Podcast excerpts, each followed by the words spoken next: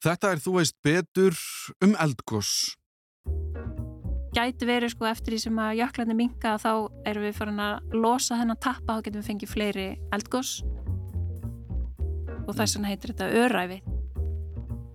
Bara Íslandi er að togna um svona 2 cm ári. Það hefur mikið verið í gangi á Reykjanesi síðustu ár, svo ekki sé meira sagt. Fjóruða eldgósið leið dagsins ljós fyrir stuttu og mér langaði að því tilöfni að henda í smá þáttum fyrirbærið sem eldgós er. Til við heyrum og sjáum margt um þetta, en hvað þýða öll þessi hugtök sem er verið að tala um? Ég ákvað því að drífa ég að ganga frá viðtali sem ég tók við Sigriði Kristjánsdóttur um eldgós en við settumst niður áður en fjórðagósið á Reykjanesi hófst svo vangaveltur í þættinum um hvað muni gerast eða kannski ekki fullkomlega við nú þegar gósið er hafið en hvað liggur þar á baki og ástæður fyrir öllu saman gilda þó ennþá. Við ætlum að tala um flekaskil, hvort vatnajökull sé tappi sem haldi þrýsting niðri, mismunandi hrauntegundir, sprengigós og svona mætti lengi telja. Áður en við byrjum á því að velta fyrir okkur eldgósum í sögulegu samhengi, byrjum við samt á kynningu frá viðmælandanum sjálfum. Ég heiti Sigriði Kristjánsdóttir, ég er jarðskildafræðingur og núna náttúruvarsjárfræðingur á Viðustó Íslands en vann lengi í jarðhættabransanum og líka með gráðu í tónlist og tónlistakennari.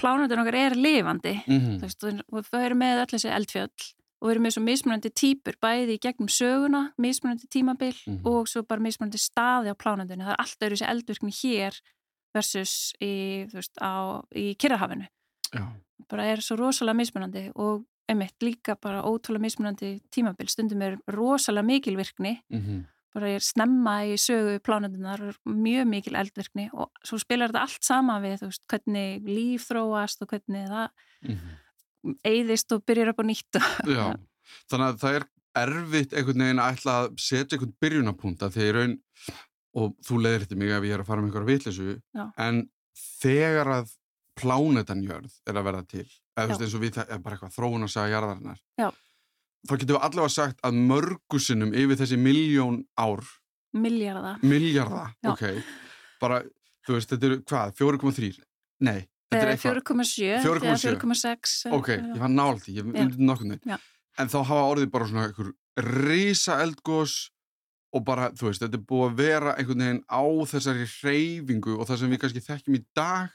Að við erum svo görn á að horfa á eitthvað sem er bara núna? Já, þetta er náttúrulega og hugsa bara eitthvað, herðu, hefur þetta ekki alltaf Já. verið svona? Veist, það er okkar æfiskeið og bara ok, við höfum náttúrulega rannsaka plánutuna í, þú veist, hundruðir ára. Já.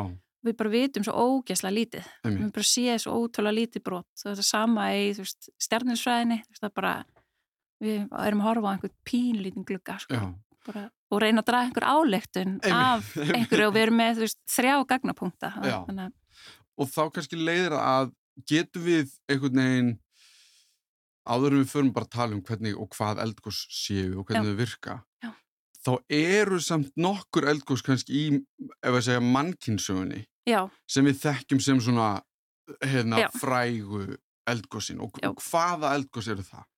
Uh, já, sko, það er náttúrulega skáttaraldar uh, en svona í alheimsugunni ég man aldrei hvað þau heita. Mm. en það er með þarna Krakatá og Pínat Túbó mm -hmm. þú veist þessi svona resa gós sko. sem bara eiginlega sko, umbreyta ekki bara landslæðin í kringu sig eða eitthvað þau Nei, hafa bara svona einhver þau gera bara svona glóbal áhrif og mm. náttúrulega hérna það eru þessi supervolcano ofur eldfjöll mm -hmm. sem er hérna líka Yellowstone í bandarækjunum er svona resa er það ekki stæsta? Sko. það geta alveg verið sko. það sé, að það sé bara að, að Já, að mér líður eins og Chris Packham í örð eða eitthvað hafi sagt mér að þau voru alltaf að reyna að leita að gígnum eða eitthvað já. í Yellowstone en síðan allt innu föttuðu bara herrni, þetta er allt gígurinn, eða skilur og þá springur í manni hausin að því þá hugsa maður Guðminn Almaþur, þetta er ógæðslega stórt svæði. Já, við fórum í hérna, fórum til Napoli um daginn, mm -hmm. nokkur náttúru og herfræðingar í svona námsverð mm -hmm.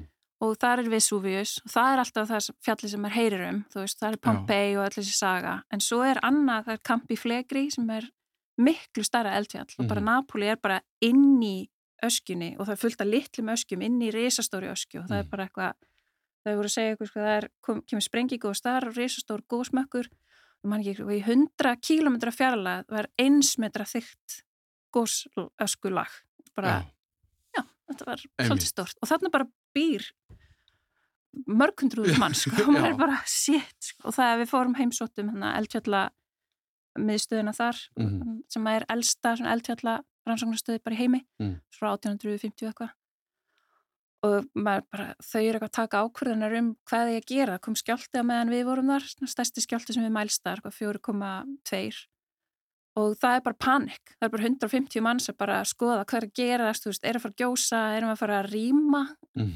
þú veist, 300.000 manns eitthvað, já, ok Já, það er nefnilega málið Svona klikkun, sko, það var allt í unni virka litlu íslensku góð sem bara voða þæg, sko í samanbörðu eitthvað neina, sko, það er Já, og sko, það, það, ekki, það sem ég er kannski að reyna að leiða að er sko að okkur sem íslendingum líður eins og við þekkjum eldgós. Já. Sem, veist, sem er alveg tilfellið, ég meina, veist, ég hef séð eldgós með berum augum og Já, það, það bara... hafa alveg verið nokkur bara á okkar æfi. Já, Já. þannig að, hérna, en sko skalin á þeim, Já. þú þart að horfa kannski alltaf aftur í tíma alltaf þig á því hvað hefur gerst annar staðar, af því að sko Meina, en ef við förum samt í sko eins og skaftárelda af því að ég hef stundum pælt í þeim og ég held að sé með þess að ég held að Gíja uh, hérna á Rás 1 hafi gert þáttum skaftárelda, núna bara nýlega Jú, það var hérna, ég er ekki búin að hlusta á það er, hann, það er einhverju sagfræðingur Einmitt, Já. sem er með henni og þau, þau eru að gera þetta saman Já. og ég, ég er búin að hlusta á, á smá af þessu, þetta er mjög áhugavert en bara svona í stuttumáli getur þú einhvern veginn, að þið, er það ekki stæsta svona sem tengist okkur eða okkar Jú. landi Það er klárlega með stærri góðsum sem á orði hérna, sko. Já. Ég man náttúrulega ekki neinartölur. Nei, nei, nei. en það verður bara sprungugós á svona stóri sprungu upp mm -hmm. á mhm. Hálandi og það bara gís gríðarlega miklu magni mm -hmm. af gósi, eða af hérna hrauni og það kemur líka mjög mikil aska út í andrumslofti og það hefur áhrif líka bara í Evrópu, ekki bara á Íslandi. Og náttúrulega bara rústaði allt miklu hér. Já, já. Já, ég meina að því að við höfum síðan kannski eigafællajökul sem hafa áhrif, þú veist, að því að mér finnst alltaf svona áhugaverð staðarind, eða ok, ekki staðarind, hugleðing eða pæling Já. að franska byltingin hafi orðið, þú veist, eða sko einhvers konar áhrif af skaftaröldum hafi gert einhvers upp, uppskerubrest í Fraklandi Já. og þá hafi allir brjálast að því að æveristjættin vildi ekkert skipta þessi, það var bara með okkur, okkur drullu saman, það kemur okkur ekki við. Þú veist, þannig að þetta hefur áhrif alveg eins og að því við hugsun kannski Eyjafjallajökull, ó, flug, Já. það hættir eða eitthvað, þú veist, það var svona erfitt og eitthvað. En þarna bara, þú veist, það er uppskerubrestur. Já. Þú veist, af því að það andurslofti og allt breytist svo mikið. Já. En hvað með, sko, af því að það kannski það sem við heyrum um hekla og katla. Já. Af hverju tölum við um heklu og katlu? Til dæmis? Er Já. það bara út af stærð eða þess sem gerðist? Það er út af stærð og náttúrulega líka bara samfélagsleg áhrif mm. og það er aðalega með köllu og svo líka með örafajökul og grímsvötn og það er undir jökli mm. og það er kannski svona það sem er sérstaðan hérna á Íslandi að einhverju leiti að vera með þessi eldfjöll, risastóru eldfjöll undir jökli og þá færðu, færðu alltaf sprengigós á meðan það er að koma upp úr jöklinum og svo færðu jökulflóð og það er þá leggjast bara heilu byggðunar í já, já. og örfajökull þannig að 1300 og eitthvað þá bara eðilegst eh, leggst byggðin í eði þar og þess vegna mm. heitir þetta öræfi því það bara þá koma líka gjóskuflóð þá hrinur bara eða fellur góðsmökkurinn saman og bara kemur gjóskuflóð yfir nágrannsveitinar og það mm. bara eðilegur alla bæi en svo eftir á að því að uh, jarðvegur sem er með góðsösku í er mjög frjósamur Þess vegna er til með svæði kringum Napoli mjög hendugt til þess að rækta vinnvið og þá fáum við mm. vína því það bara er svo, koma allir þessu góðu efni úr góðsöskunni og mm. það er kannski eitthvað sem við munum sjá líka kringum eigafallujökul að það verði betri uppskýra að því það er komin allir þessi auka efni Einmitt. inn í spilið. Sko.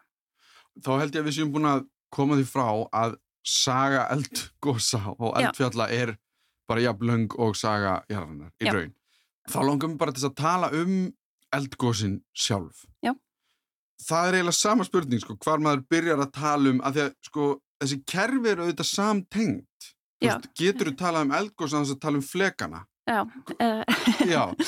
Hvar byrja maður einhvern veginn að pæla í eldgósum? Já, við byrjum kannski svolítið bara á þú- hvernig innrikjar jarðarinnar er. Mhm. Að hún er bráðinn og það er bara frá því að hún myndast, það er einhverjir, þetta bara þjappast saman efni úr þessu ríkskíi og gaskíi sem að sólinn verður til úr og svo plánutunar og þetta nær þjappast saman og mynda jörðina og það er ennþá bara hiti inn í jörðinni frá þessum tíma. Þannig að búið vera allan hennar tíma, fjóra koma eitthvað miljardar ára Mm.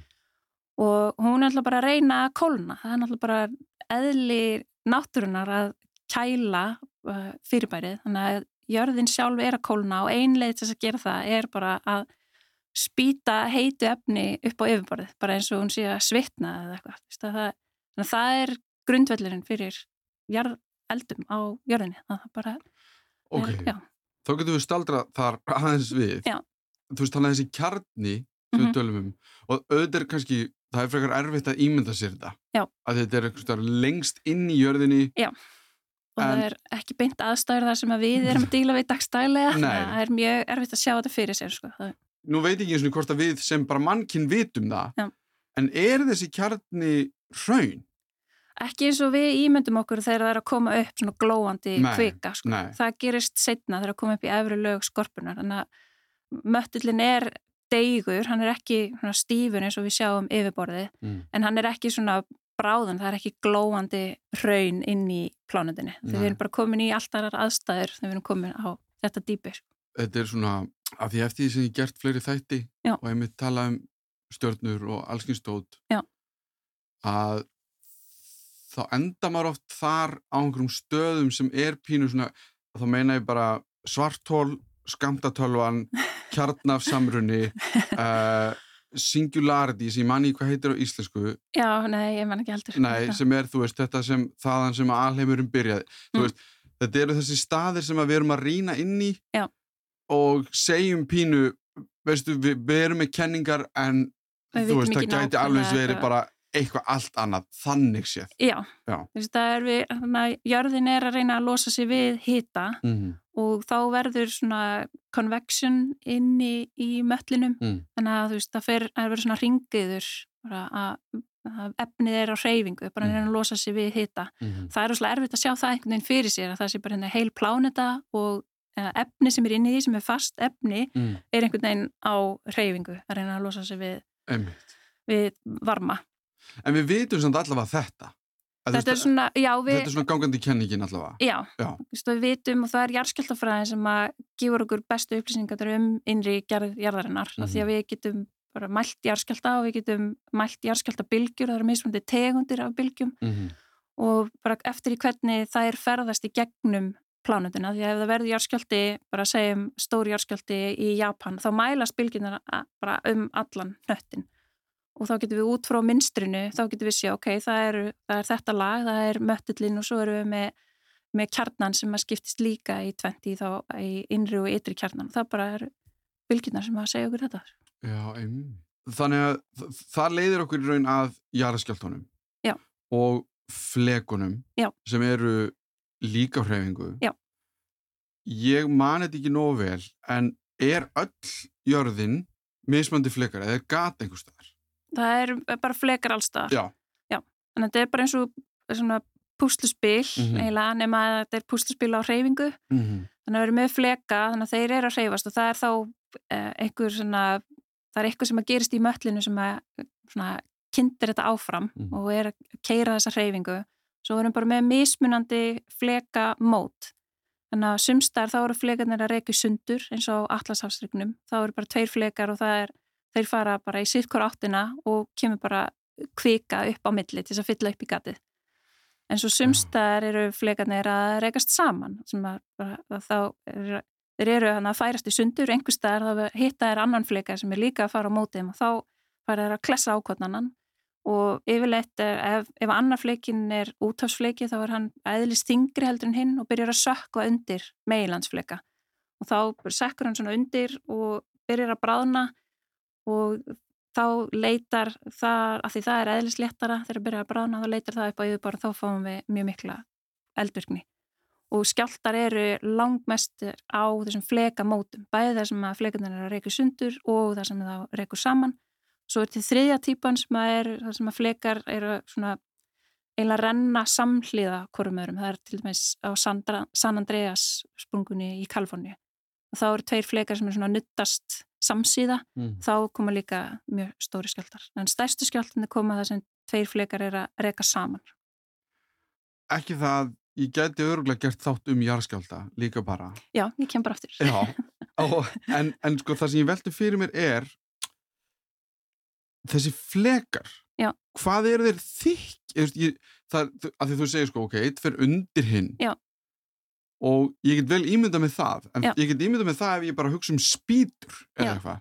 En, en hver er stærðin á þessu? Sko, já, góð spurning. En svo Íslandi þá eru við með, Íslandanulega einstakt eiginlega í bara í heiminum sko að það eru við erum með uh, útafsflega eða svona hérna, flega sem mót það sem eru að fara í sundu sem eru upp á yfirborði.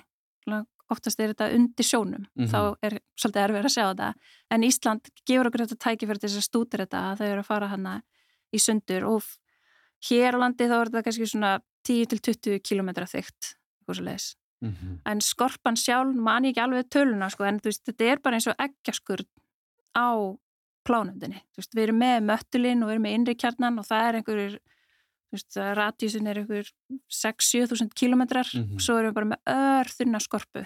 Þannig að okkur finnst þetta kannski vera svona daldi uh, þygt með við bara það sem við erum að sjá dagstælega. En þegar við horfum bara á heildamindina þá er þetta bara þetta er bara eins og svona skurðn á krembrúlei eða eitthvað. Með einhver gríðarlega mikla krafta sem bara geta tóða og tekta þetta og kramið þetta og það er nefnilega sko og ég ætla að mæla með því að því að þingvellir Já. ég var að horfa þáttun daginn að að, og þá, þessum heitir Earth og var á BBC Já. að ef að fólk getur einhvern veginn síðan þá mæla ég með því að því að hann fjallar svo mikið um Ísland Já. hann er svo mikið hér og hann er á þingvellum í Almanagjá á einhverju tímundi og heldur höndunum svona út frá sér eða þannig Já. og ég veit náttúrulega ekki nákvæmlega hvað hann er og hvort hann sé aðeins að íkja eða ekki en hann segir þessir vekkir færast burt frá hver öðrum um eitthvað á ári. Já.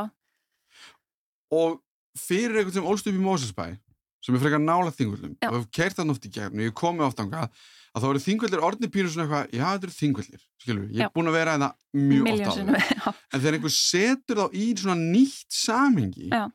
þá er algjörlega klikkað að vera það og ímynda sér á hverju maður stendur, já. að því maður stendur á þessum skilum sem þú ert að tala um. Jú. Er það ekki? Jú, þetta eru bara, einmitt, yfirborðsmerkin, þetta er náttúrulega svona kannski smá ígjur, sko, mm -hmm. en bara Ísland er að togna um svona 2 cm ári mm -hmm.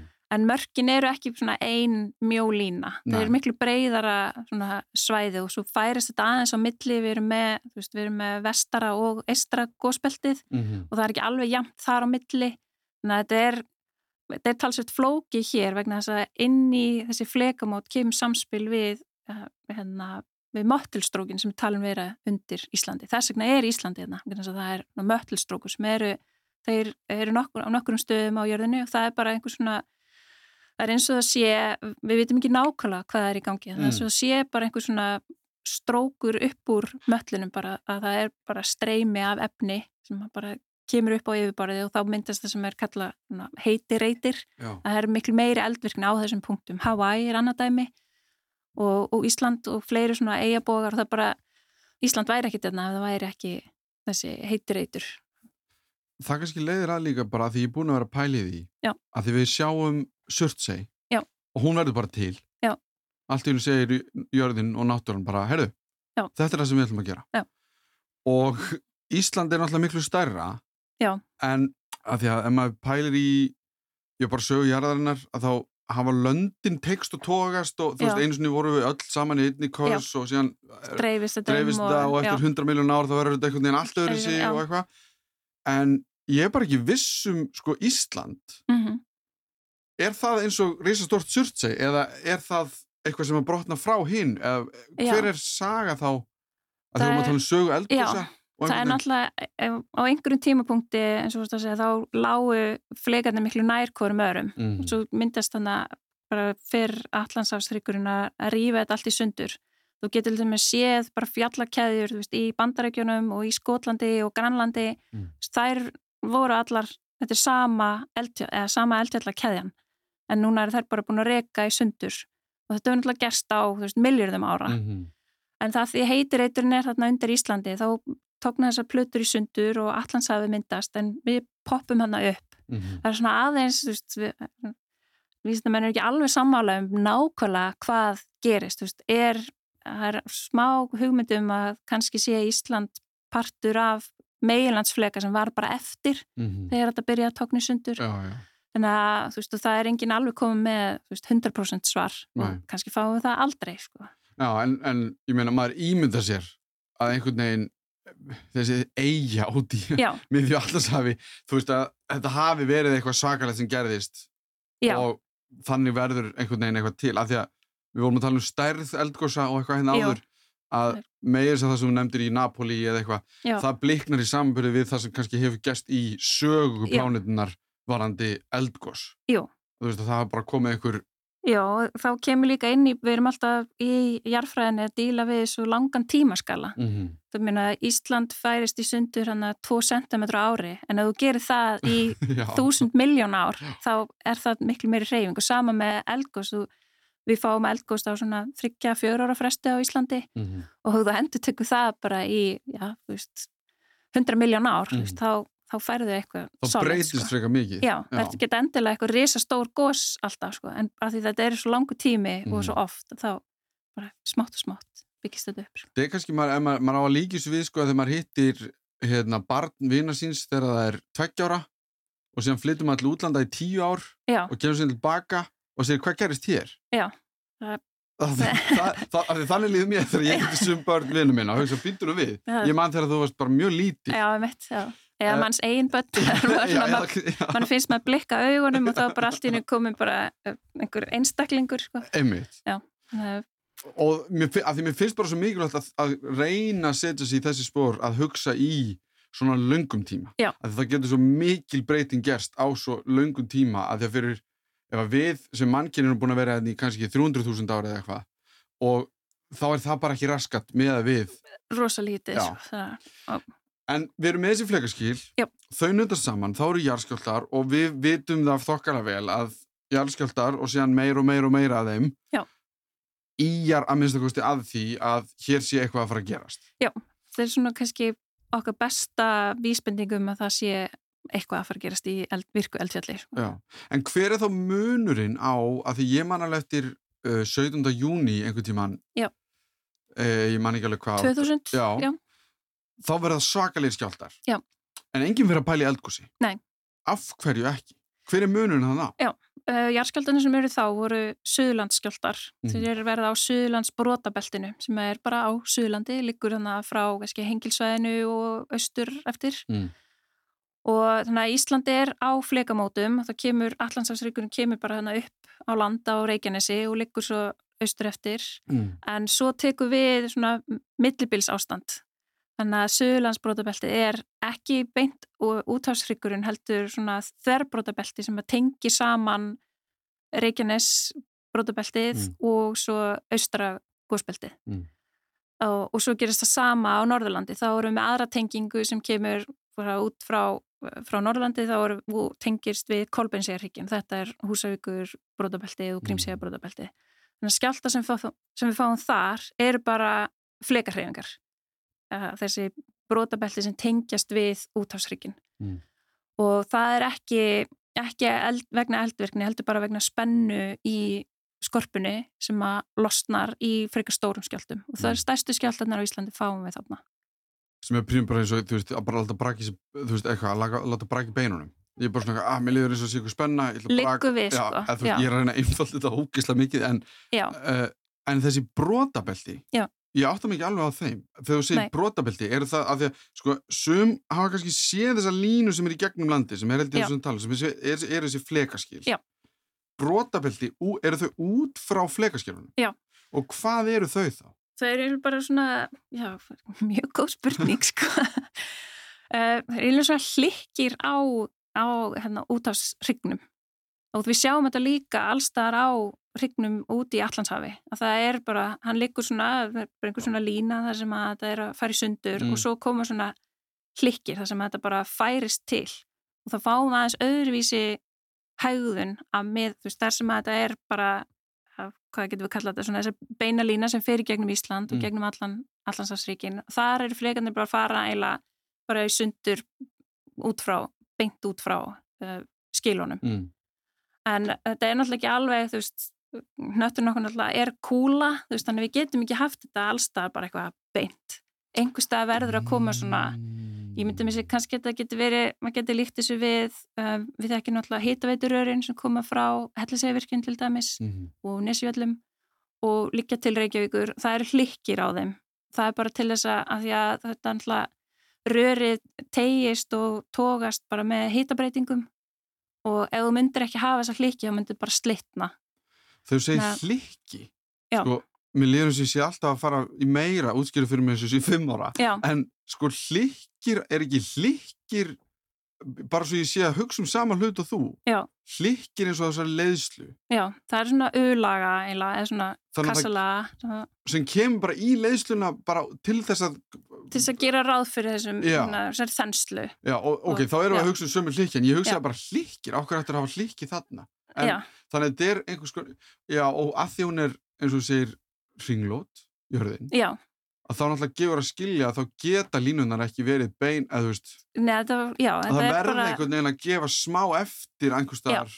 Þetta er alltaf svona samspil svo rosalega margar þáttar það er náttúrulega mm svona áskoruna er eina einfalda þetta en, Já, en ég held ég skilji þetta núna sko. ég, þetta er í raun bara svona ég meina, já, bara án, án þessar hlikja eða þessar brotabelta, það myndir þetta ekki alveg ganga upp, sko ekki kannski svona, allan að mann finnst það ekki skrítið velkomin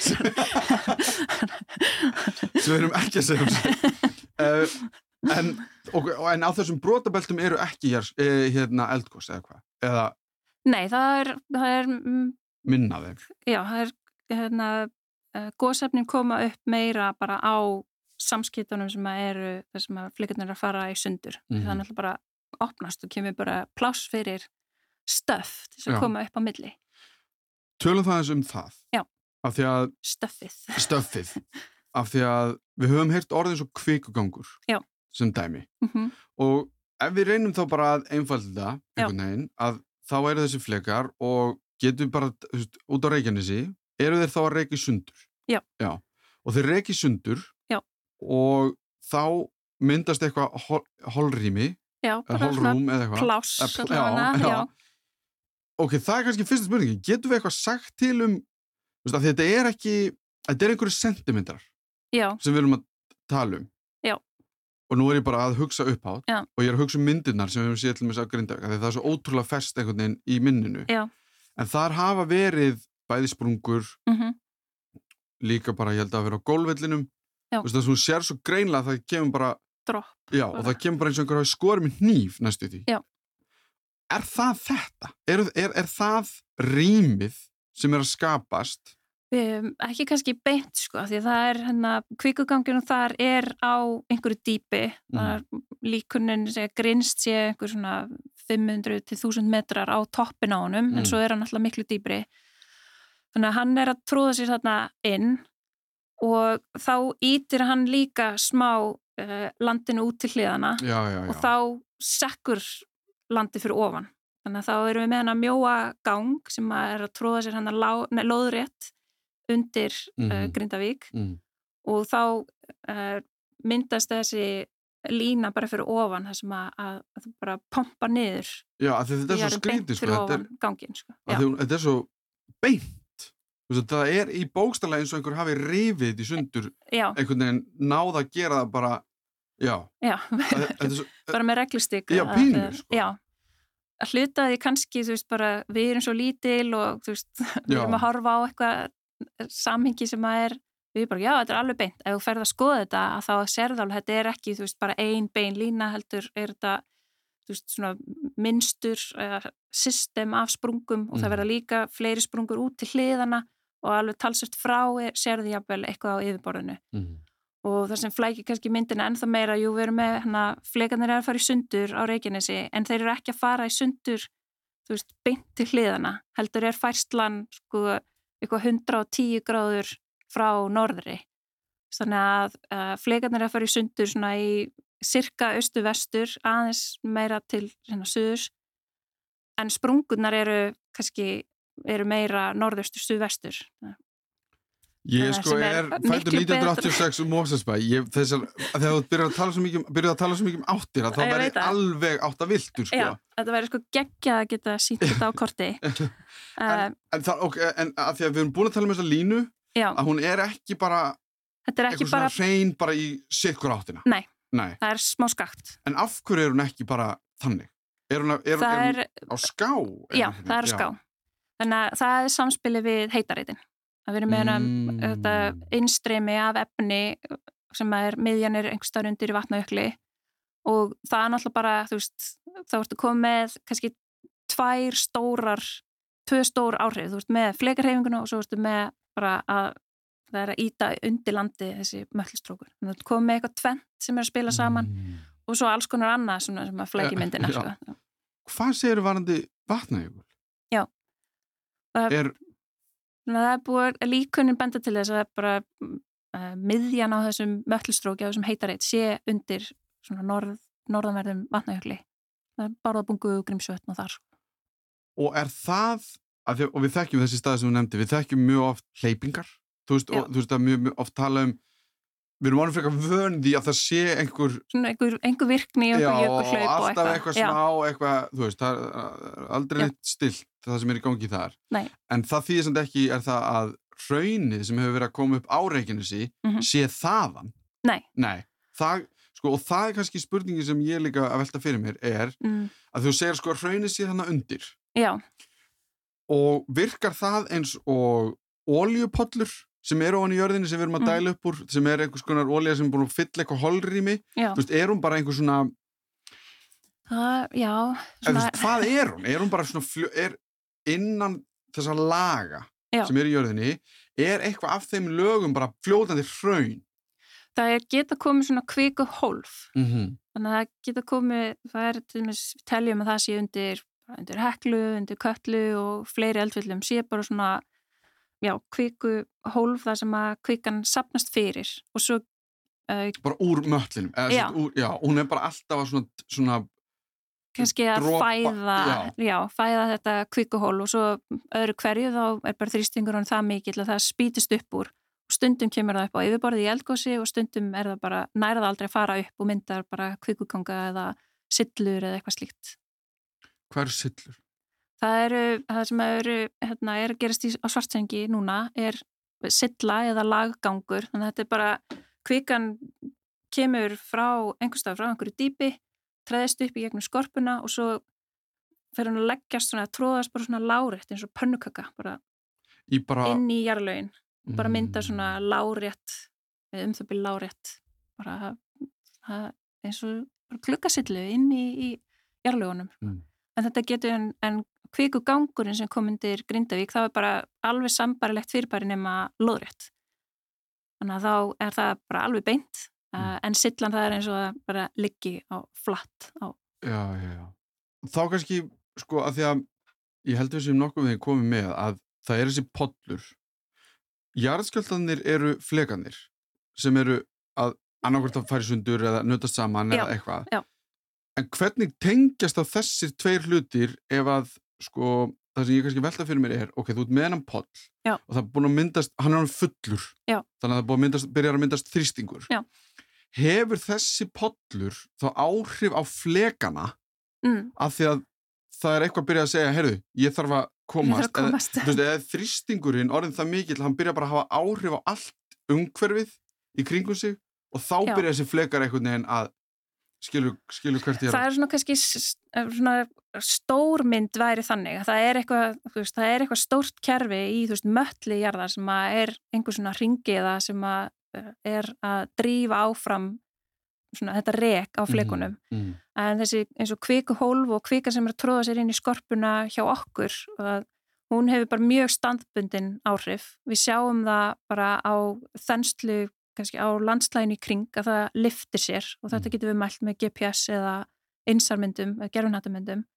En það líka er að skjáltarnir byrja að tróða sér í gegnum skorpuna og skorpan er stökk og þá getur við fengið skjálta. Þannig að við erum með skjálta út af flekarhefingunum en svo getum við líka fengið skjálta bara, bara út af því að kvikan er að tróða sér í gegn og það er bara skjálta, skorpan þarf bara að losa sér við spennu og fáum við mm. skjáltaverkni og þetta er okkar, eitt af okkar bestu tólum sem við höfum til að fylgjast með hvort að kvika sér á hreyfingu það er að sjá bara hvar skjáltanir eru það getur stundur pínu erfitt ef við fáum einhver skjáltaverkni bara er þetta kvika eða er þetta bara fleikarhefingar mm.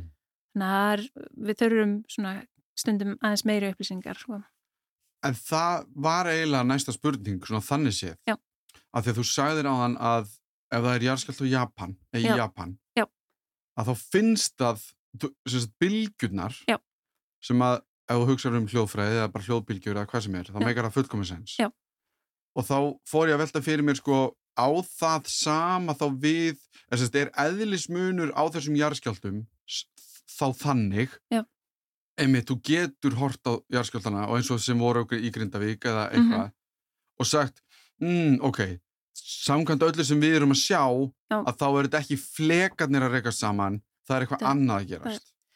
Af því ég held að það sem fólk er byrjað að krefjast af að öllum í dag eru a, a, svona sko lokasur þú veist, segðu mér hvað þetta er. Já, hvinnar byrjar að gjósa? Já, og Já. af hverju vitum við ekki og hvað rögglir í gangi það er hérna annar þáttur bara þú veist betur þáttur um samfélagi eða eitthvað en hérna ég, ég, sko ég bara veldi fyrir mér hvaða tól þið hafið mm -hmm. til þess að reyna að segja þetta er flekajarskjöldi eða nei þetta er eld, eldgósi, eh, eldvirkni eldvirkna jarskjöldi og allt þetta og er það Já. bara það sem þú varst að nefna kannski? Já, þú veist það er við hefum náttúrulega þessi tæki til þess að fylgjast með, við hefum jarskjöldamæla, við hefum GPS-mæla við hefum gerðunhættamindir og tólkun á þeim líkun sem við getum gert og svo fer þetta líka út í bara gasmælingar, þingdamælingar, alls konar mm -hmm.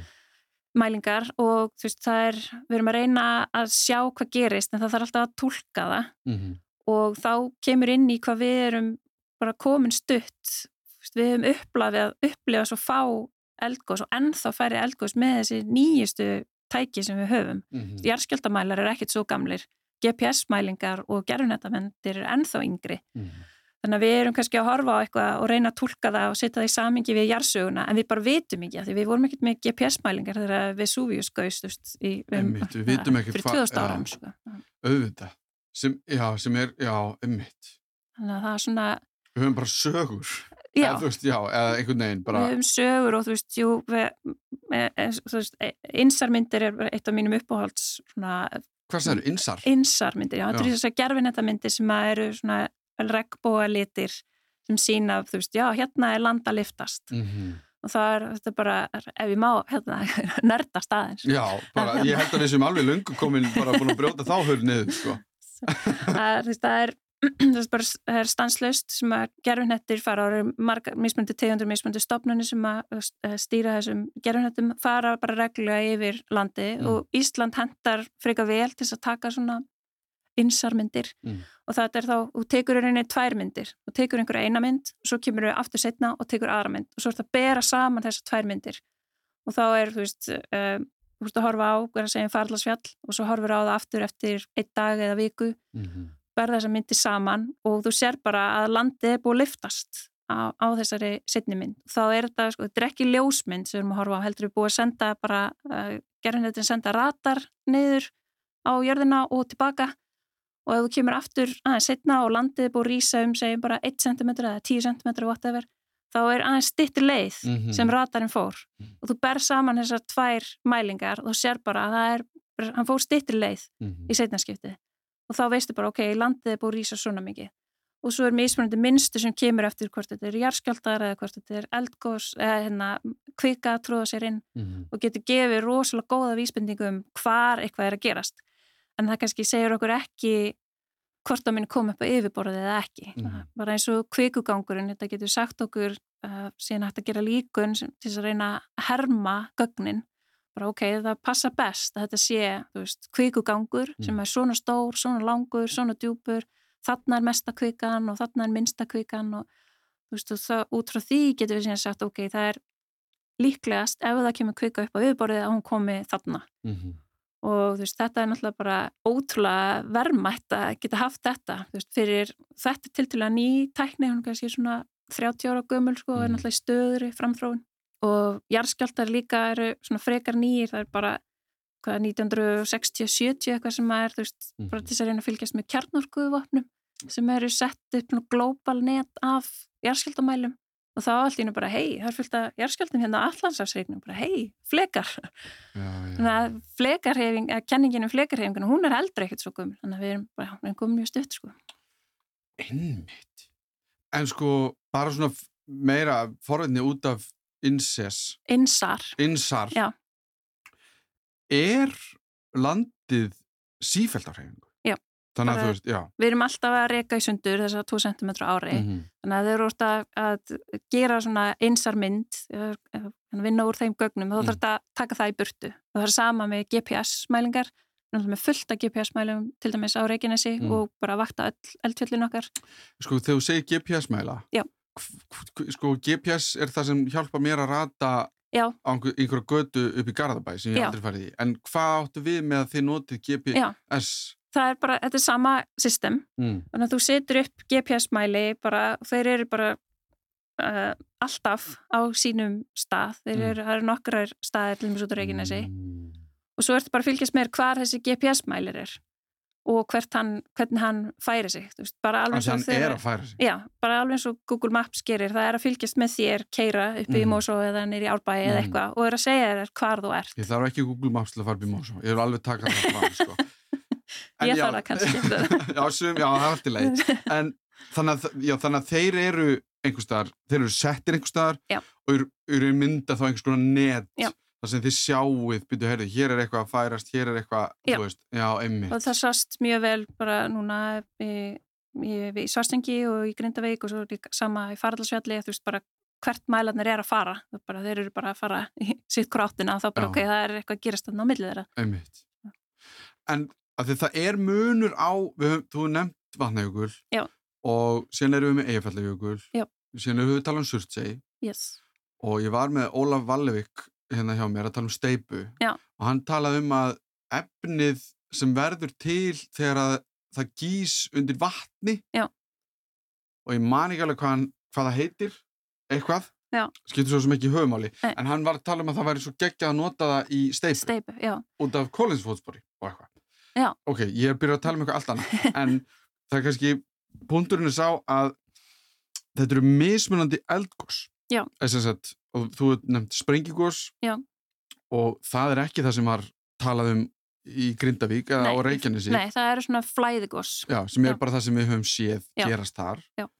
Er eðlismunur þessara eldgósas bara sá að í einum eins og Reykjanesi að þá er það bara komið på jörðinni og flæðir bara en á hinum stöðunum þá lendir kvika í vatni eða kulda og þá náttúrulega verður allt vittlust Já það er svona kannski, tvent sem maður getur spilað inn í aðalega. Að þú veist með kviku sem er að koma upp og síðan þetta samspil við vatni sem er að bræða úr jöklinum. Mm. eða eins og surst segja að það kemur út í sjó.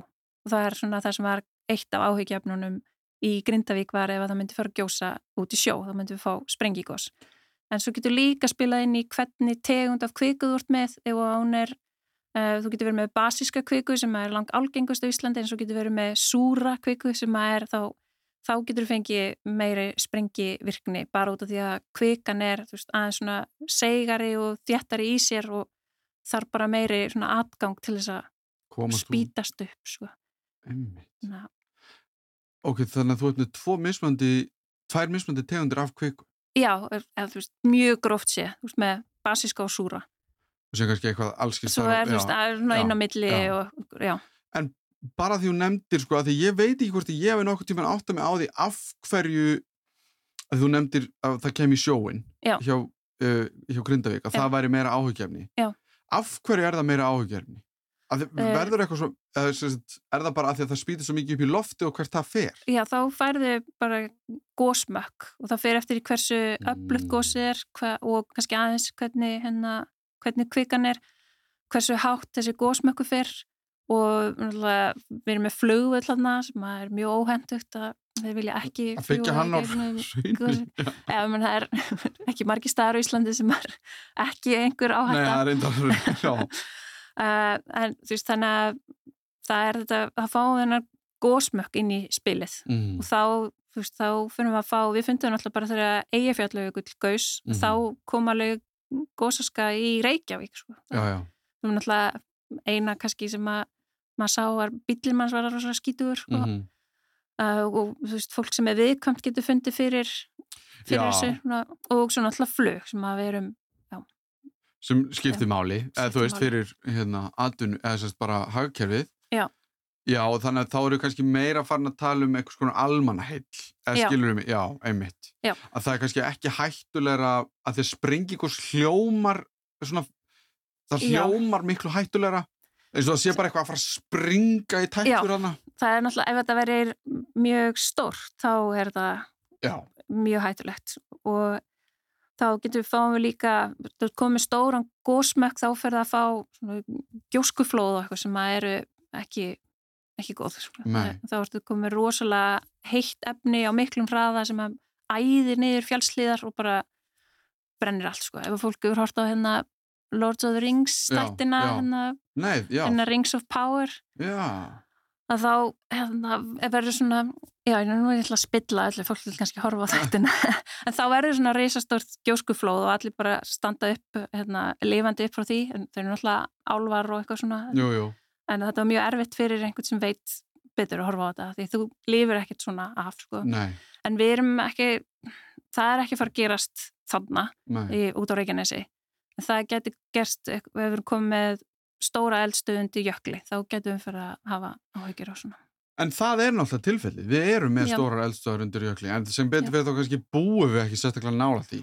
Erum ekki, ekki mjög margir, það er náttúrulega eins og í örafanum Já. og, það, og Já, undir er segja, það býr einhver, já, en, en að því þú nefndir eins og Napoli áðan, þú veist það sem þú ert með 300.000 manns inn í inn á, eldfjalli. veist, inn á hættusvæðinu og svo ertu með miljónir bara í næstu nálæð sko. Þannig að ef að það fer eitthvað að gerast þar að þá veit ég nú hreinlega ekki almennilega hvað í óskupunum, þegar fólk ætti að gera það sko. já, nei, eða skilur bara hvernig kemur 300.000 manns út af einhverju stað ein, eða veist, þau eru með einhver plön sko. Já, ég væri nú til að sjá þessi plön, ég veit ekki alveg, nei og það eru náttúrulega plön líka til hér Mhm. og þú veist, það er skiptir miklu máli fyrir okkur til þess að viðstofunum bara að halda fólki upplýstu og vera með fræðslu og almannavarni koma náttúrulega inn í þetta þú veist, Mhm. að, það er viðverunarkerfi þú veist, að fólk á að fá SMS ef eitthvað fyrir að gerast og Mhm. geti komið sér undan því það er náttúrulega jökulhlaupin sem eru eru kannski hættulegust í, í kringum Myrtalsjökul og undir vatnajökli það, Og það er kannski, sko, mér langar líka til að tala um það, mér langar til að tala um mjög margt hérna. Já. En, sko, við sem mannfólk, okkur er mjög gjarnt að hugsa heiminn út frá okkur. Já. Og við gleymum þess vegna alltaf mikið að við búum á plánetu sem að í grunninn er drullu sama um okkur. Eða skilur, hún er bara, Svolítið. já, eða, þú veist, bara, ég, það er kannski hljómarkalt, en ég meina það Já, bara, hún er ekki nei. persónuleiki, hún bara er pláneta Já. sem við búum á í, í geimnum og, og hérna uh, hún gerir bara það sem hún vill Já. náttúran og jörðin og að þetta að því þú nefndir bara þessi kerfi sem við erum að reyna að koma upp til þess að að minnstakosti að þetta kom ekki aftan að okkur ég er kannski að reyna að leiða að, að náttúrunni er sama um þessi kerfi hún gæti ákveðið bara á eftir að hekla sér að fara að gjósa Já. eða kalla Já. eða bara eitthvað Mhm. eða Yellowstone Já. sem að sumi segja að sé líka á tíma alveg eins og annarkvort hekla eða kalla, ég man ekki hvor Ég báðar já, já, þú veist, það, og það er þessi með tíman já, og þessi fjöll eru komin fram yfir tíman seg, er það ekki? með við söguna með við söguna af því að það er einhvers konar ef við ætlum að fara eftir söguna þá hefur þetta gerst á einhverju millibili og eitthvað erum við ekki þannig séð líka pínu að segja bara þetta er það sem við getum en að samanskapi erum við fullkomlega í myrkrinu um hvað sé að fara að gerast Jú, veist, er, já, við höfum þess að stuttu sögu já. og við reynum að byggja veist, á þeirri reynslu mm -hmm. og lang flest eldgóð sem hafa komið síðustu bara tvo áratví eitthvað, þá höfum við haft fyrirvara. Mm -hmm. Hann er ekkit íkja langur alltaf, hekla gaus hvað 2000 þá var held ég klukkutíma fyrirvarið eitthvað svo leiðis. Já og Grímsvötn er, er líka alltaf með fyrirvara en hann er stundum bara einhverju klukkutímar sko. mm -hmm en það kemur eldgóðsundi jökli þú veist og það er að það kemur ekki flóð alveg strax það tekur einhver tíma fyrir mm. vatnið að komast niður sko. en þetta er alveg rosalega trikki og mér finnst þetta stundur svolítið erfitt í okkar starfi sko, að, hvað átt að segja fólki sko, mm -hmm. hver er, það er alltaf einhver áhætta og eins og með að rýma eitthvað sem er ekki ákvörðin sem að viðstofan tekur uh, í sambandi við eldgós mm -hmm. eða járskjálta, þú veist það er hvinnar átt að segja fólki að fara eða vera mm. það er bara mjög erfitt sko. Já, bara eðlilega en, en, og, og, og ég var ekki að sko reyna að sko smætta það sem þið gerið Nei. ég var alveg að reyna að sko líka bara að við erum að eiga við bara plánituna sem Já. er einhvern veginn bara herðu, og við erum einhvern veginn að reyna átt okkur á því bara hvernig hún er, Já, bara stanslust við erum að reyna að lesa í einhver Já. merki og takn mm -hmm. frá náttúrunni og svo allt í hennu gerur hún bara eitthvað alveg nýtt og hún bara eitthvað hei þannig að gera þetta eins og síðast bara eins og faraldarsfjall, þú veist, Gaus fyrst þannig að hvað árið núna? 2021 Já. Og er ekki lengur, já ok, einmitt. Nei. Einmitt. og þú veist, það bjóst náttúrulega engin við einhvern veginn að það kemi eldgóðs á Reykjanesi þú veist, það bara það var ekki í, hérna, alveg í myndinu þó við höfum alveg séð að það hafi verið eldgóðsæri gegnum tíðina og það er ekki nema einhver hvað 600-800 ár síðan að gauð síðast sem mm. er ekki drosalega langt.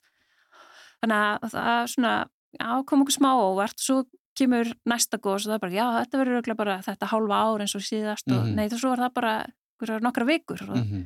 og svo kemur þriðja góðsi og það er líka aðeins öðruvísi og svo byrjar núna þensla í sömar aftur, bara strax eftir góðsið í sömar þá byrjar að hlaðast inn í faraldarsfjallskerfið mm og svo allt í hennu bara hoppar þetta yfir í svartsengi og kemur bara einhver risa kvikugangur og kemur bara einhver alveg nýtt sko. En það allt og nú ætlum ég ekki að reyna að beða um að útskýra hvað er að gerast þar af því að mér líður af öllum þessum góðsum sem þú talaður um núna sem er, hafa verið þarna að þá hafi það sem við erum búin að vera að upplega núna undanfarið verið svona mesta vandraðabannið Já. Af því að það var einmitt, heyrðu, nefndu, hvað er, að, heyrðu, það að færast hérna Já. og þess þá heldur að þegar að það búið að vera bara, heyr, það er að fara að gjósa við vorum hérna á jarðskjáltavæktinni og bara, það, þú veist, þetta er bara að fara að gerast Já. að þá allt í hennu segir þetta bara nei, ég, við, við erum hættu ég ætla að gera öðruvísi ég ætla bara að gera eitthvað annað Já. sko getur eitthvað útskýrt til dæmis af hverju það gís ekki er það bara mm. að þetta flest það finnur sér þessar sillur eða, eða, eða það er svona í grunninn hlýtur að vera það bara er ekki alveg nógur kraftur til þess að komast alla leðina upp á viðborðið mm -hmm. og það er, veist, það er eitthvað sem að veldur því að það kemst ekki alla leið sko. mm -hmm. og það er en það sem er kannski öðruvísi núna með að við faraldarsfjall þú veist, faraldarsfjall var svo lítil áhætta það var bara, það er enginn þar mm -hmm. versus að þú í Grindavík ertu náttúrulega bara með fullt af fólki og fullt af húsum og fyrirtækjum og dýrum og nefndi það sko. mm.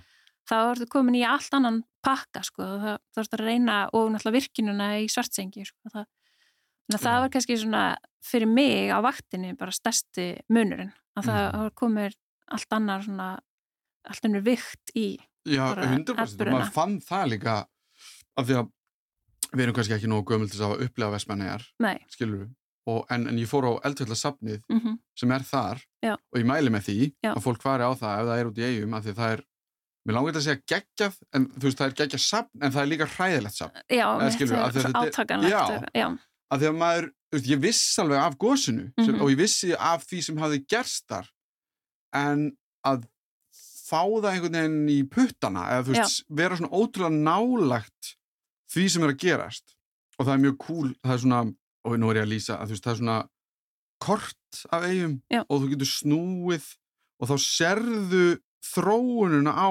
kvikunni og hvað hún rennur og hvað gerist og hvað og maður ímynda sér sko hversu klikkað þetta er allt saman Já. Þú veist, maður, maður finnur það svo vel og þess vegna kannski eins og með Grindavík að þá þegar þetta verður fólk, þetta verður einhvern veginn, þetta er ekki bara eh, ferðamanna staður einmitt. eða skilur, Það er- ég ætla að fara og sjá eldgós þetta Já. verður allt í henni, herðu, er bara einmitt, bara hús og hýbili og allt að fara Mhm. undir. Já. en, og þannig að það er kannski bara að, að það, er, það er þessi kvikugangur kvikan er einhvern veginn að fara þarna upp og þið sjáuð hvar hún er og á hvaða dýpi bara með Með- hittamælingum eða eitthvað svoleiðis, með líkanareikningi sem við erum meira að, að herma eftir hvað GPS og gerðunættamyndin er að sína okkur. Já, og þá fáum við svona, mynd af því hvernig, hvað var að gerast undir yfirborðinu. Getur náttúrulega enginn síðan nákvæmlega hvað Nei. gerðist en getur gefið okkur góða mynd. og það var talað um að hann væri komin hann eins og ég held að þú setja á hann líka 800 eða ég man ekki alveg einhverja metra 100 metra, Já, sem var svona grinst á Já. toppin á honum. alveg Já. svona þokkala ég meina, þú veist, það er þokkala uh, grunn Já. á þess þó ég geti almennilega ímynda mér hvað 800 eða eitthvað metrar er mikið Já, já, en hérna en ég er eitthvað, já ok, en það hlýtur að vera alveg svona, frek, þú veist að því ég ímynda mér bara, ok, hann er komin þetta grund okkur bara, þú veist okkur fór hann ekki bara alla leið. þú veist, sko. okkur allt í hennu segir hann bara og nú er ég að persónu gera hraunið og, og þetta, en var bara ekki nógu mikil spenna í þessum podli sem er undir Uh, já, það er eitthvað svo leið. Veist, ég er að fabulera bara, sko. ég er einhvern veginn að velta því fyrir mig sko muninum á fagrættalsvelli sem Já. dæmi, þú veist, að því þá bara ég, ég, að því ég á með svona bucket list dæmi að ég verða að sjá eldgós áður en ég degi Já. þannig ég labbaði daginn eftir Já. og algjörlega eiðilæði á mig nýjan að því þurfti að labba svo ógeðslega langt á einhverjum timbla, þetta var mjög illa planað en ég sá þetta eldgós og Já. gætt verið mjög nálætt í sem var, held ég, þú veist ég mun aldrei gleyma þessu Nei, alveg einstakt. Sko. en maður sá, herðu, hér er kraftur að bara koma upp úr jörðinni Já. Og ég bara velta fyrir mig sko muninum á af hverju það getur gerst Já. og sen af hverju það verður svona ha, eins og þú veist kannski Já. gerist þarna. Það og er þetta bara orðið þá mér langar ekki til að se- setja því eitthvað svona on the spot og segja bara er þetta þá búið? Skilur við, já, en, en ég er svona velta fyrir mig sko framhaldinu einhvern veginn, e, þú veist. Við, sko, við getum reynd að lesa í bara jarðlög annar staðar, bara í uh, útöðar eldstöðar á Íslandi Mm. og þá sjáum við að það eru mjög oft þessi svona kvikugangar sem hafa myndast en ná ekki alla leiðinu upp á yfirborði. mm Þannig að þetta er alveg bara algengt að bara komist ekki alla leið. -hmm. Það er þá eitthvað annarkvort er bara ekki nóg mikill kraftur í aðfærslunni af bara kviku Mm. eða þá að skorpan er bara of hörð og of þykk og ekki nógu brotin eða eitthvað af því hún er náttúrulega búin að vera tegjast og tógast út af flekarhefingunum þannig að hún er mis svona uh, misbrotin. Mm þannig að og náttúran leitar alltaf að bara auðvilstu leið. Hún er alltaf að reyna að fara í eitthvað svona bara jafnvægis ástand. -hmm. þannig að hún fer ekkert ef að það er ekki auðvelt. Það er bara hún fer, hún leitar kvika leitar þess bara í einhverja veika punkta. Mm og ef það er ekki veiki punktar þá bara, þá stoppar hún Já, bara þá segir hann bara, ok, ég, já hún bara, já, hún, hún gerir bara sitt besta en ekki, ekki meira en það. Uh, Það langar mér bara svona í, í lokin að pæla eins í jákvæðum hliðum eldgósa. mm Er hægt að tala um einhverjar jákvæðar hliðar eldgósa? Já, ég held að uh, ef við horfum bara á jarðsöguna Mm. að þá held ég að það væri bara sennilega ekkert líf á jörðinni ef að það væri ekki fyrir eldvirkni og eldgós. Mm -hmm. Að það er svona, við vitum ekki hvernig líf byrjaði á plánutinni Mm. en það er svona hugmyndur um að það hafi gerst við svona, hérna, e, svona heit útskott á einhvers þar á sjáabatni Mm. sem að er bara að því náttúrulega eitt fylgifiskur í eldvirkni er jarðhitti Mm. sem við náttúrulega erum fílum mjög mikið annars Mhm. værum við ekki með bara rosalega heit og fín hús og sundlegar og eitthvað svona þannig að það er definitely eitt pluss við eldvirkni Og þetta tengist, sko, bara svona, sagt, þessi jarðhiti, sem er bara heitt vatn, Já. það er bara heitt af því það er nálagt, eða, veist, allt sem við erum búin að tala um núna Jú. er bara nátengt í. kvikan er það Já. grund í skorpunni að það næra hita grunnvatnið Mhm. og svo bara töppum við því af bara, Það, bara, það er mjög sko. jákvæða punktur til dæmis. það er mjög jákvæmt sko Uh, rauðvín er kannski jákvæmt fyrir einhverja þú veist að það er hérna ekki bara rauðvín uh, það kemur mjög frjósamur jarðvegur mm -hmm. út frá hérna, eins og þess að tala um á þann í Napoli og, já, já. bara í góðsöskunni eru alls konar efni sem eru bara góð fyrir og nöðsileg í jarðveginum Er nýtur? Uh, já, nýtur þarf það að hafa já. það er einhver fleiri Já, ok, þannig að þetta er bara það er það sem ég hef heirt líka sko, einmitt þessi aska Já. og það sem er í þessu sé rosa næringar hún getur verið það sko já, já. já það er ekki algilt það er náttúrulega eins og í skáttaraldum kom ekki flúor og mm. það bara draf allar kindurnar sko og fólk líka mm. móðuharðindinn og það, það er hræðilegu tími, algjörlega hræðilegu tími já, ég man ekki hvað, ég var að lesa einhverju tölu þú veist, það var eitthvað 30% af Íslendingum bara dó mm. það, þannig að Þannig að það er alls ekki alltaf sem það kemur eitthvað, uh, eitthvað svona góð næringarumni eða eitthvað? Nei, en það hefur örgulega komið með en þú veist, það er bara, það kemur setna inn í Já. Eh, sem við förum að, svona, að njóta þess. Sko. Þannig að askan eins og maður sá á Suðurlandi uh, eftir eigafællajökur Já. að þegar tíminn líður að, veist, og þetta er einhvern veginn búið að, að þá ætti jarðvegurinn þar til dæmis að vera frekar frjór. Gæti hjálpa til, Já. sko. Já. Uh, eitt sem ég langaði til að hérna, hvað segir maður, staðrinda aðtuga með þér er að ég heyriði að hraun væri svo gott í að binda kólefni Já. eða eitthvað, eitthvað skonar ég, ég, Jú, sko, basalt já. sem er, þú veist, heila uh, allt, eh, mest af hraun og hraunlögum á Íslandi er mm. basalt mm. og líka í útvarskorpunni og það er, já, við getum dælt niður koldjóksíði Koldjóksíði, já, já, já þá binst það mjög vel við það er það sem er verið að gera allir á helseiði þannig að Carbfix Carbfix er að gera þetta já. þannig að íslenska raunir tekur mjög vel á móti þess að hendar vel mm -hmm. og ef það væri hægt að þróa þetta þannig að væri hægt að dæla því út í sjó eða stí hérna vjarla undir sjónum mm. að þá erum við í góðu málum að því að það er svo mikið af sjáabotni á bara plánundinni sko. mm -hmm. það er mhm. svona, það er miklu erfiðara sko. mm -hmm. en jú, þetta er bara mjög hendugt sko. og því ég veldi líka fyrir mig sko að í gegnum söguna að það var eins og eldgósin hafi verið einhvern veginn svona hvað maður sé, þú veist, þegar það var bara ísöld Já. og allt, bara plánundin var frosin Já. að þá séðan kom allt ínum bara reysast eldgós Já. og sagði bara, herðu, nei, vill maður hérna, og þá kemur ykkur mökkur og þá voru sólaljósi öðru sí og þú veist, þetta er þetta er eitthvað svona stjórntæki já, eitthvað svona, svona temprar eða já, já. aðeins svona eitthvað snýr einhverjum tökum já. en það voru náttúrulega þó að veri ísöld og ís hérna yfir öllu þá voru, voru fylgta eldgóðsum undir og þá fáum við þessu móbergsriki sem við sjáum út um allt á Íslandi allstar á Reykjanesinu þessi löngu hryggir mm -hmm. og bara hengillinn og upp á hérna, hálendi og fyrir norðan út um allt. Mm -hmm. Það er bara við fáum eldgós, bara svona flæðigós á einhverjum sprungum uh, en að því að jökullin er yfir og þá heldur það því bara svona saman þannig að næra byggja svona hryggi sem eru úr þá móbergi sem er aðeins öðruvísi bara út á samspali við vatni sem að myndar svona, móbergin ekki svona hraun breyðu bara Þetta er svo ótrúlegt alls saman. Ok, þá kannski loka, ef við pælum aðeins í framtíðinni. Get ekki hægt. Ég get ekki hægt. Sko, bara framtíð heldkosa, ég veit ekki alveg hvernig að koma að þessu. Já, já. Við tökum bara kannski, þú veist, bara eins og ykkar vinnu. Já.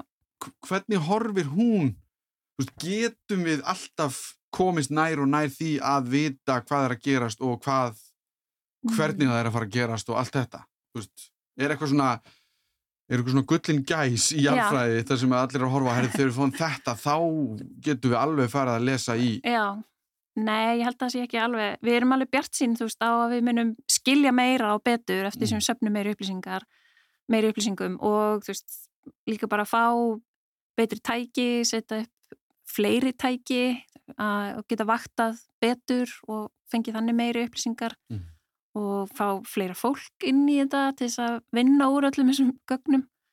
Uh, en það spila líka inn í veist, bara með látlagsbreytingum þá er til dæmis jöklarnir okkar að bráðna og þeir eru eiginlega svona þrýstilokk ofan á sum eldfjöldin þannig að það er gæti verið sko eftir því sem að jöklarnir minga þá erum við farin að losa þennan tappa þá getum við fengið fleiri eldgós þannig að það er það er svolítið, já, margt sem við þurfum að fylgjast með og bara viljum fá fleiri tæki, meiri pening og fleira fólk mm -hmm. til þess að vinna úr öllu þessu sko. Af því við erum á, sko landið sem við erum á já. er náttúrulega einhvers konar paradís fyrir jarðfræðingar. Já, þetta er bara, þetta er eiginlega svona bara rannsóknar stofa fyrir, mm. þú veist, ef þú ætlaði að búa til eitthvað svæði þar sem þú ætlaði að rannsaka eldvill þá er það bara, Ísland væri bara, já, eitt af því sem mm -hmm. myndir bara reyna að búa til þess að geta rannsaka en það er líka bara fullt af fólki sem kemur til Íslands bara til þess að rannsaka eldfjöll, ekki mm bara til þess að skoða þau heldur bara vinna við þar mm -hmm. og bæði jarðarfræðingar, jarðarfræðingar öfnafræðingar og bara nefndi það sko En hvað með bara eldfjöllin til framtíðar? Hvað ja. eru við, þú veist, erum við bara að býða eftir, við erum búin að nefna heklu, Já. við erum búin að nefna köllu. Já, það eru nokkur sem við erum svona að býða eftir. En að... getur þetta verið búið? Þú veist, að því þú nefndir hvað það er döið eldfjöll? Já, óvirk eldfjöll. Óvirk, já. já. Getur það verið að það sé bara tilfelli? Nei. Nei, af hverju ekki? Við erum alltaf ennþá með flegarhefingarnar. Mm -hmm. Það er ég sé ekki alveg, ég kannski einhvern tíman í framtíðinu myndi bara hætta annarkvært heitir möllustrókunum undir Íslandi bara stöðvast mm. og ég veit ekki alveg með einhvers að það er myndið einhvern tíman þá erum við að tala um einhverja sko, miljard ára Já, erum, já, ég held að ég held að við sem alltaf að tala um sko ekki í okkar. Við erum að tala um bara ef einhverjar hlusta á þetta árið 3000, nei ekki einu sinni. Nei, nei, bara, eftir, já, bara Ísland er 16 elstu hraunlegu Ísland eru 16 miljón ára gömul. Þannig þetta er já, við fyrir að býða ansi lengi held ég Þannig að, já ok, þannig að sko, að því sko, ég, maður, sko, maður ímyndir sér bara alltaf, alltaf þegar maður heyrir eða sér einhverja frétt já. hekla að láta vita sér eða já. kalla að láta, eða eitthvað svona að þá fer maður að hugsa, ó, hvað þýðir það? Já. Þú veist Já. uh, þannig ég er kannski svona smá, ok, þannig að þetta er ekki orðin óvirk, Þa, það er virkni hann undir Já. og við erum pínu bara einhvern veginn að segja Við erum eiginlega bara að byggja eftir í hvaða eldfjall gís næst, sko. Já. Það er svona, já, eru nokkur sem eru líklegri en önnur en svo, einmitt, kemur náttúrunum bara, gerir eitthvað allt annað, sko. Mm. En þá er, ég segi alltaf bara að það skiptir svo miklu máli að hafa góða vöktun, sko, að við þurfum bara að fylgjast með mjög vel og það er eins og hekla, hún er í stöðugri vöktun hjá okkur, sko, mm. bara, þó að sé eitthvað í gangi út á Reykjanesi eða einhverstar annar staðar, þá gleymum við henn ekkert, sko, og það er bara, það er verið að fylgjast með GPS, þenslumælum, skjáltum og sama með köllu og grímsvötna, það er... En höfum við áhegjur af þessum, þú veist, af því að Reykjanesi er svona, og nú ætlum ég alls ekki að líti úr því, Nei. en í stóra saminginu er það kannski ekkit risa eldgós, þessi skilur, ég gæti lappað upp að fagratarsfjalli, skilur, og staðið bara hjá eldgósi, já. og ég ímynda mér að það hekla kalla, þú veist, skaftar, þú veist, ég, maður var ekki endilega eitthvað, herðu, ég ætla bara að kíkja á þetta. Já. Sko, það sem ég er að pæli er, stundum að maður veit meira þá er maður minna hrættur, skilur mig? Þannig að það sem ég er að velta fyrir mér er bara þú veist, ég hef stundum sjálfur áhugjur af ok, hvað gerist ef að hekla og kalla eða eitthvað svona stóru gís en, en sko ég verð stundum að minna mig á að, að ég bý ekki í Hollywood mynd eða skilur mig, þú veist, þannig að þetta er ekki Dante's Peak sem er að fara að gerast já, já, kannski, einmitt, sko. og ég bý frekar langt í burtu og allt þetta já.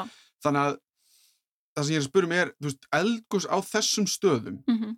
eru þau líklega til að hafa bein áhrif á kannski okkur sem er í Reykjavík eða þú veist, á fjölmennum stöðum eða er við þá meira að tala um eins og við vorum að tala um aðan með, þú veist, þegar það sprengir góðst, það kemur aska, það kemur, þú veist, við vorum að tala um meira almanna svona... Já, það er eitthvað. mjög ólíklegt að hafi eitthvað komið bara góðs hérna, í útkverjum Reykjavíkur. Mm -hmm. Það er bara sára litlar líkur á því og við mm. munum alltaf sjá fyrirvara það mun ekki gerast fyrirvara laust mm -hmm. þannig að ég held að fólk verði kannski svona smá að uh, hvað, sem, hvað er gott ára fyrir empower Það er góð spurning Valdeflast Já, fólk getur þú veist hérna, já, fólk hafi sitt eigi vald til þess að sko fræða sig, vera meðvitað mm -hmm. og þú veist, læra um hlutina mm -hmm. að þú veist að þú, þú ert ekki bara einhver svona skopparakringla sem að eitthvað gerist einhver tíman, mm -hmm. þú veist, þú getur alveg, já, frætt sjálfan þig um hvað gæti gerst og við erum reynd að vera viðbúin eins og þess að með járskjálta hvað ætlar að gera, það er ímislegt sem við getum gert þess að reyna að minka skadan mm -hmm og svo treysta á að það sé vel vakta sko. mm. og það er ég held að við munum alltaf að sjá einhverju fyrirvara fyrir vel flest elgurs mm. á Íslandi. En það er svo erfitt þannig að við vísindamennum alltaf alin upp í þú veist svona setja fyrirvara á óvissu mörg Já ég meina þið getur ekki svarað einhverju þá bara þú getur sko og ég held að það sé mjög mikilvægt að það komi fram að þú getur aldrei sagt bara herru þetta mun gerast eða þetta mun ekki gerast eða eitthvað, að, og það er kannski ástæðan fyrir ég er búin að vera svona pínu að hamra á að náttúrun er náttúran, plánetan er plánetan þú veist. Það en, er svolítið þannig sko. en síðan á móti kemur að við þurfum átt okkur á því að við búum á Íslandi. Já. og við höfum ákveðið að vera hér. Já. Og það er fullt af fólki sem vill vera hér líka hvort Já. sem að við hleypuði inn eða ekki. En þú veist, þetta er eins og þú sagði þér áðan ef við vorum að tala um svona smá paradís fyrir fólk, jarfrænga og fólk sem vil pæli því hvað jörðin er að gera. Já, algjörlega sko. og uh, ég held að það hafi verið öllum ljóstegðu kominga að, að Reykjanes er þakkið hraunni Já, og, og þú veist. Þeim, einmitt, það er, og það verða líka jarðskjáltar hérna en svo er einhvern veginn, erum við líka samt svo gleimin mm -hmm. og mhm. kannski er það einhver bara smá hérna, sjálfsbergar viðleitni að bara gleima og bara halda áfram að lifa mm -hmm. Já, ég meina, af því annars erstu, já, já En kannski það maður svona öðru hverju, bara eins og maður prófa reikskinniran, þú veist, að maður kannski líta í kringu sig eins og með járskjálta og það er náttúrulega voru tíðir járskjáltar á Reykjanesi og sumir daldi kröftuðir mm -hmm. að þú getur undirbúið heimilið þitt þú, þú veist, ekki setja bókahillu yfir rúmið þitt mm eða eitthvað, hengja málverk beint fyrir ofan þú veist, þú getur mm -hmm. gert ímistlegt til þess að Festana þá allavega við vekkin Já, að minnsta hvert er sko. að þú veist, það er, við getum gert helling sko. Mhm. það, þannig að það er kannski já, að það sé treysta því að það sé vaktað og að viðstofan, Háskóli Íslands og almannavarnir fái, þú veist já, góðan grunn og þá er ég að tala bara að fá fjár Já, ég meina það þarf peninga Já, til það... þess að fylgjast með og það er alveg, þú veist það, það er kannski alveg tilfellið, sko en bara maður vill alltaf hafa gera betur og hafa meira, sko. Já, ég meina þú veist, ég held að það sé líka bara við getum ekki búist við einhverju fyrir ekki neitt. Nei, en það er kannski stundum er það einhvern veginn er það, uh, Við sem land verðum stótt reyna að kæra hlutina áfram þannig já, en, hérna, en það gengur sumstaðar upp kannski já. en á öðrum stöðum að þá gengur það bara alls ekki upp að þetta kostar pening að fylgjast með og Já. senda fólk og ég held að lang flesti sem að ég þekki sem að eru í þú veist, eru að rannsaka eldfjöll og eldurkni eða jærskjálta þetta er eiginlega hálpartinn köllun sko. mm -hmm. þú, þú ert í þessu bara því þú hefur áhuga þú vilt vita meira og þú vilt geta sagt eitthvað, gefið fólki ráð eða allavega vísbendingar um hvað sé að fara að gerast mm -hmm. það er, við erum ekki í þessu fyrir peningana það er definitílega ekki En þið fáið samt að vera í nánum samskiptum við plánetuna sem er Já. mjög öfundsvert að samaskapi Já. fyrir okkur hinn sem skiljum ekki neitt hvað er í gangi. Já, er, og að sjá eldgós og vera einhvern veginn í návi við einhvers konar frumkraft. Já, og vera í návi við, veist, við vísindamennir sem er að rannsaka þetta, veist, að uh, fylgjast með umræðinu sem er, veist, hvað þýðir þetta og mm -hmm. það, þetta er oft mjög erfitt að tólka og þú þarfst að gera það kannski bara núna, bara, mm. þú þarfst bara að segja heyrðu, hvað að gera núna það, þá finnst mér mjög gott að það sé allavega hópur, að það sé verið að tala saman og vinna saman og veist, það er vísindarsamfélag, það er stundum svona einhver mynd af því að það sé einhver einn svona mm. snillingur sem að bara leisti allar ráðgátur þú veist, bara Við elskum, við elskum hérna hetjudýrkununa, eða þú veist, við elskum hérna gáumannadýrkununa líka. Já, sem að, en mér finnst það að vera svona aðeins einhver breyting núna, þetta er orðið meira bara, þetta er bara samfunna, samfélag, deila, vinna saman og veist, finna út úr þessu, mm. veist, ekki svona, veist, að geta komið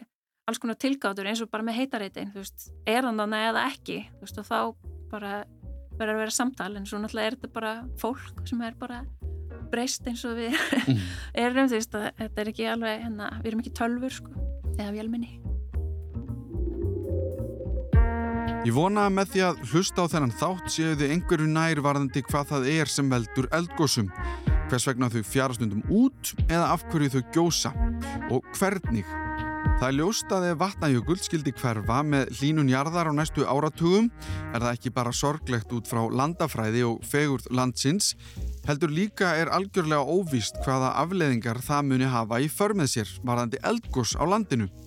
Við erum eldfjalla eiga, svo ekki sé meira sagt, eldgós eru okkur í blóð borin, svo það er fínt að vita þokkala vel um hvað þau snúast. Ég vil þakka Sigriði Kristjánsdóttur fyrir að koma til okkar á mjög annasömum tíma og útskýra eldgósin fyrir okkur. Ég heiti Allimár Steinarsson og þakka fyrir mig. Þetta var Þú veist betur um eldgós.